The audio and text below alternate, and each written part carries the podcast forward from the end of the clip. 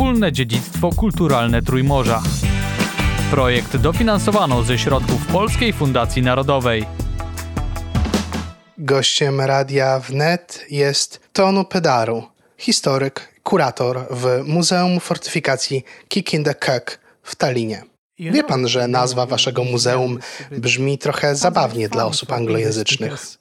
Yeah, yeah, especially if they pronounce it this way, because you know the lower German. Tak, zwłaszcza jeśli wymawiają ją w ten sposób, ponieważ nisko-niemiecka wymowa brzmi kick in the cack.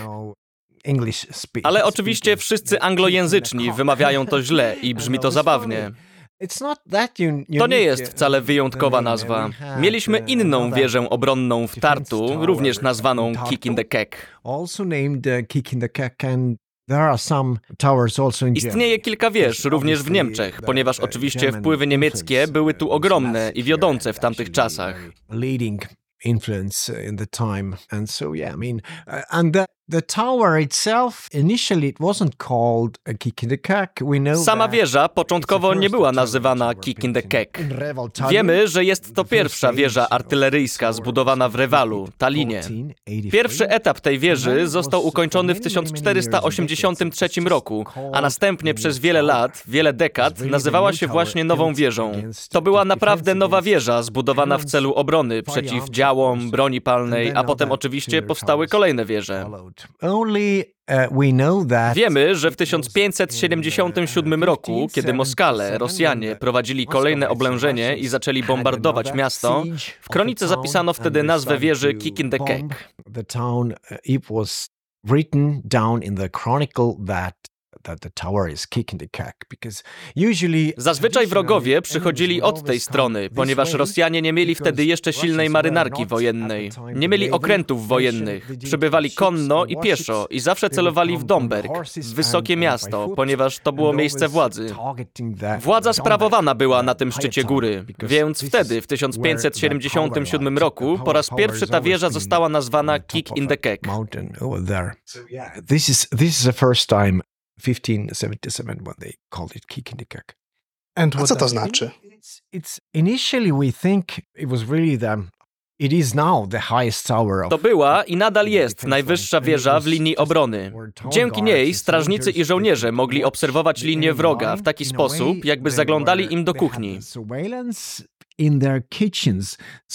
Patrzyli, co wróg gotuje na swoich pozycjach, oczywiście po to, by dowiedzieć się, co szykują dla miasta, do jakiego rodzaju napaści się przygotowują. What kind of assault they are, you know, preparing. So watch the enemy kitchen. Patrz na kuchnię wroga było prawdopodobnie pierwszym znaczeniem.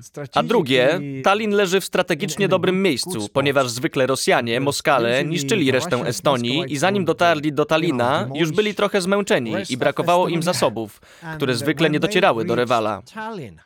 They were already there was a bit fatigue and they were out of resources. That usually i tak żołnierze mieli czas obserwować także drugą stronę. Prawdopodobnie patrzyli również na to, co dzieje się w kuchniach współobywateli. Więc tak, chodzi o nadzór i dostrzeganie ważnych rzeczy. Zaglądaj do kuchni, gdzie dzieją się ważne rzeczy. Wielokrotnie używa pan nazwy Rewal, czyli dawnej nazwy miasta Talina. A jaka jest historia Talina? Kiedy powstał, kto go zbudował i czemu nazywał się Rewal, a dziś jest Talinem? Nie wiemy dokładnie, kiedy Tallinn stał się nazwą miasta. Oryginalnie nazywało się ono Reval. Zwykle ludzie myślą, że nazwa Reval przybyła wraz z krzyżowcami, ale to nieprawda, ponieważ Rewalia była estońskim hrabstwem na tym obszarze. Więc nazwa prawdopodobnie nadal jest estońska i prawdopodobnie Estończycy, czy też miejscowi, zaczęli nazywać miasto Tallinem, ponieważ oznacza to duński zamek czy duńskie miasto miasto,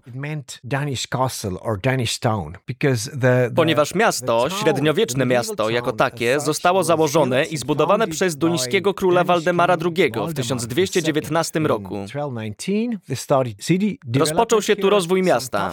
Potem nastąpiły ciężkie czasy i Duńczycy trochę się zmęczyli. Wtedy niemiecki zakon kawalerów mieczowych przejął władzę 10 na years. 10 And lat, a potem Duńczycy wrócili i ustanowili wszelkie podstawy miasta. Czas duński skończył się ostatecznie w uh, 1346 roku, 1346, kiedy król sprzedał miasto kawalerom mieczowym. Tak wyglądał początek miasta. a fortyfikacje? Z jakiej epoki pochodzą? Tak właściwie, to prawdopodobnie były tu jakieś drewniane umocnienia już wcześniej, ale wiemy, że król duński zarządził budowę kamiennych fortyfikacji pod koniec XIII wieku. W tamtym czasie pojawił się pierwszy kamienny mur i pierwsze wieże. Jak bardzo zmieniły się one na przestrzeni wieków?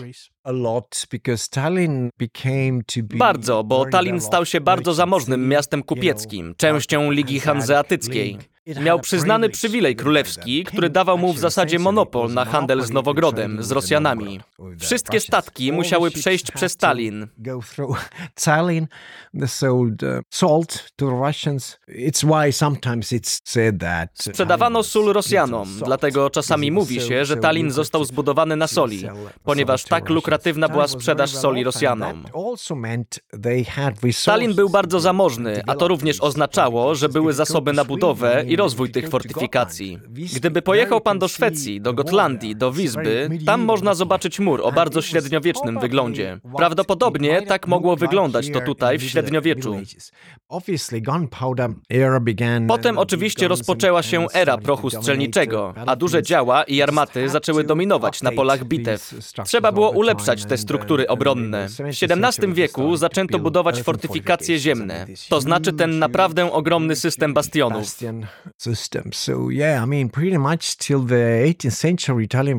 Więc prawie do XVIII wieku Tallinn miał bardzo dobrą obronę. Inwestowano w nią dużo pieniędzy, wysiłku, zasobów, ale potem oczywiście zaczął się spadek. Cóż, można powiedzieć, że już pod koniec XVI wieku był lekki spadek i Tallinn stał się prowincjonalnym miastem. Nie był już tak zamożny.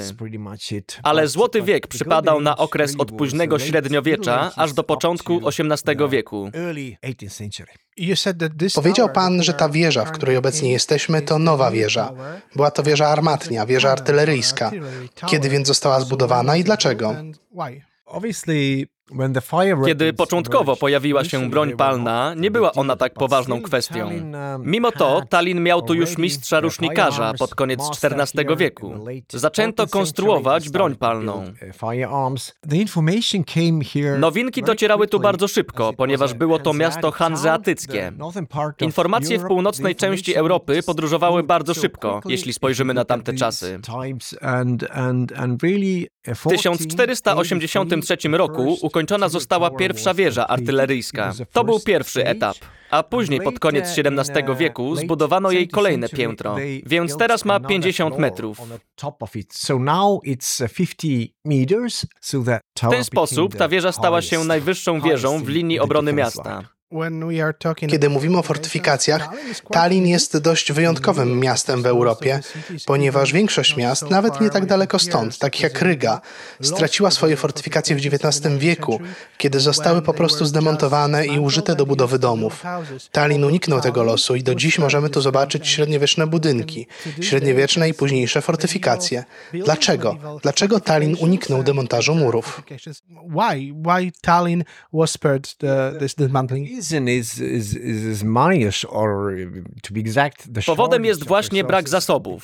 Ponieważ Ryga była znacznie bogatsza, mogła sobie pozwolić na ten demontaż i naprawdę wykonali dobrą robotę w tym zakresie. My przekształciliśmy nasze fortyfikacje w parki i nadal mamy te trzy bastiony, które zostały zbudowane w XVII wieku. That were built in the 17th century, and we still do have these uh, the, the wall and the towers. And one Nadal mamy mur i wieże. Powodem jest właśnie brak pieniędzy. Staliśmy się biednym miastem i to nas powiedzmy uratowało. Dzisiaj to nasze bogactwo. To dziedzictwo, które nie każdy posiada. I oczywiście w niektórych częściach Europy, zwłaszcza w Niemczech i w Polsce, odbudowano te stare mury po wojnie. Ale my naprawdę zostaliśmy oszczędzeni.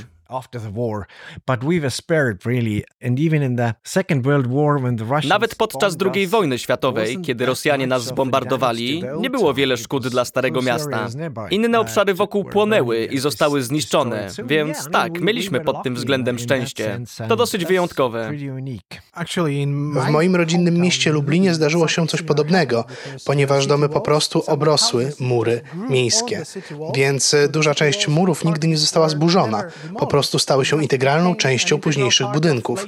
Widzę, że to samo stało się tutaj. Ma pan absolutną rację.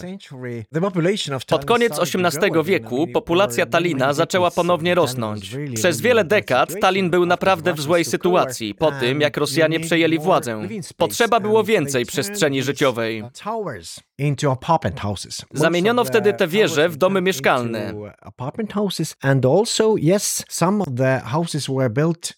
Także tak, niektóre domy były budowane przy murach, a czasami mur znajdował się pomiędzy budynkami. Takie rzeczy się działy, ponieważ Tallin nie mógł się powiększyć organicznie. Był okrążony przez ogromny obszar ziemnych fortyfikacji, a ludzie woleli mieszkać w środku miasta, więc dobrze wykorzystali te wieże.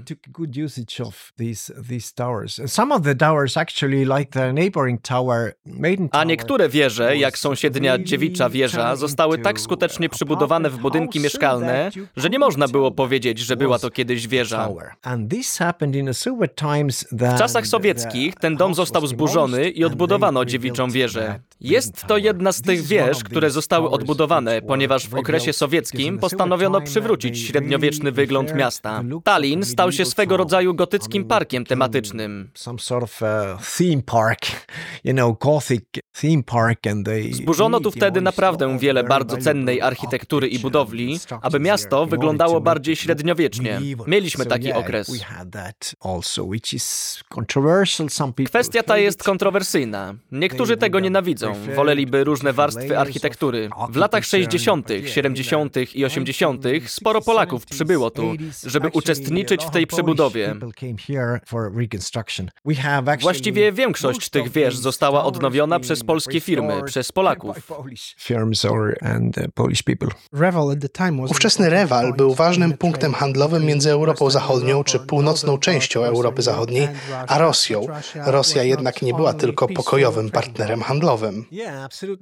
Absolutnie nie. To znaczy, oczywiście z Nowogrodem mieliśmy dość konstruktywne relacje, ale kiedy Moskwa rozpoczęła swoją ekspansję, wszystko się zmieniło.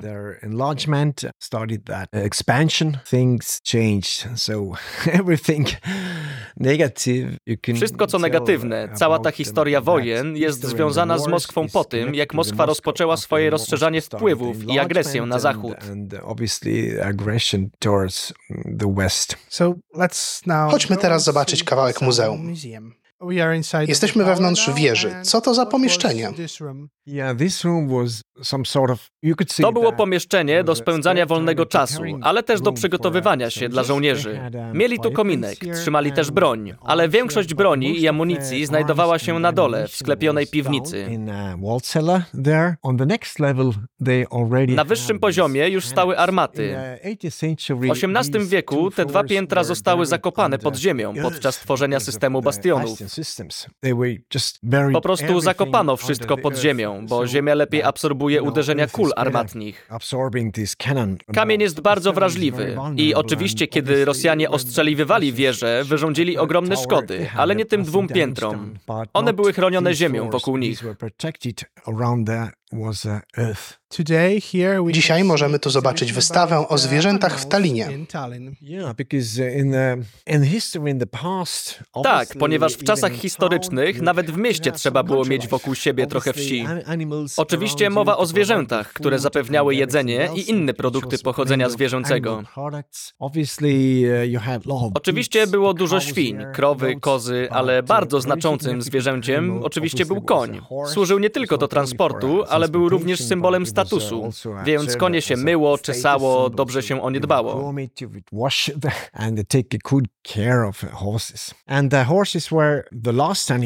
Konie były też ostatnimi zwierzętami w mieście. Nawet dzisiaj czasami można zobaczyć konie. Nie mówię o psach, kotach i innych zwierzętach domowych. Ale poza tym, w czasach sowieckich w latach 60. został wprowadzony zakaz posiadania zwierząt gospodarskich w obrębie miasta. Wcześniej wiele osób je miało. Potrzeba było wiele zwierząt hodowlanych, aby zapewnić jedzenie i tak dalej. A kto mieszkał w Talinie? Czy byli to Estończycy, a może obcokrajowcy? Byli to rewalczycy. Wiele osób przybywało tu również jako asystenci kupców i pozostawało w ciągłym ruchu.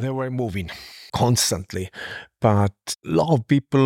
Ale wiele osób pochodziło z północnej części Niemiec, również ze Skandynawii, wielu Finów, wielu Szwedów, ale także Estończycy oczywiście.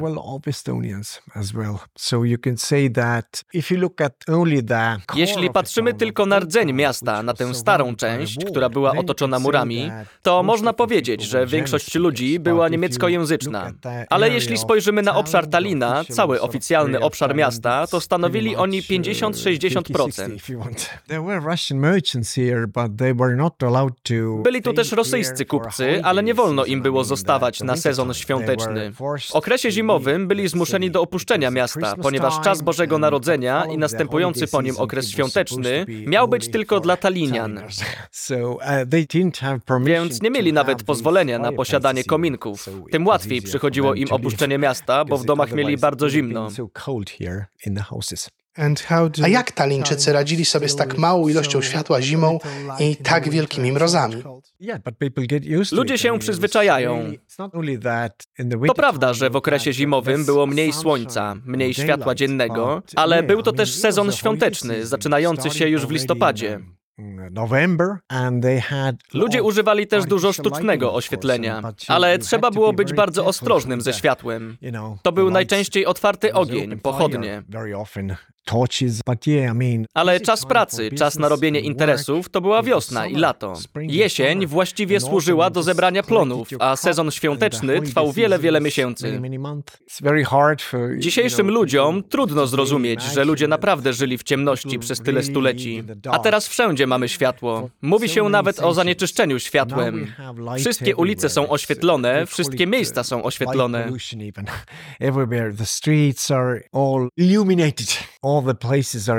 Zmieniło się to dopiero pod koniec XIX wieku, kiedy przyszła elektryczność. Chociaż zajęło to oczywiście trochę czasu, zanim trafiła wszędzie. Wcześniej było oświetlenie gazowe, które było ok, ale nie było aż tak jasne. Mówił pan, że używano otwartego ognia. Czy w historii Talina były jakieś wielkie pożary? Można naprawdę powiedzieć, że Tallinn bardzo dobrze radził sobie z bezpieczeństwem przeciwpożarowym. Mieliśmy jeden wielki pożar w 1431 roku. Duża część miasta została spalona, a potem nakazano, aby wszystko było odbudowane z kamienia. Mamy lokalny kamień, wapień.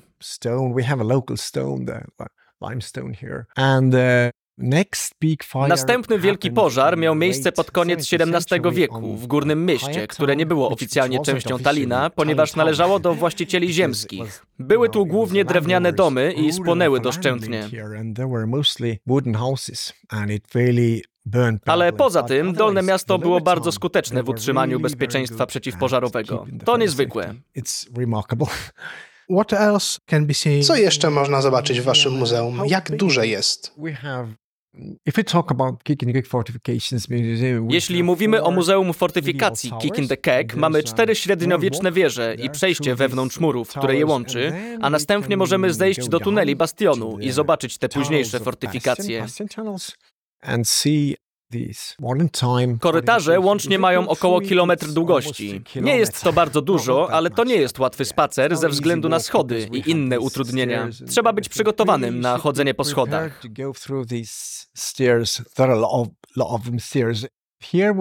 Tu, w wieży Kick in the Keg, mamy 120 schodów do przejścia i oczywiście, jeśli chce się wrócić, to kolejne 120.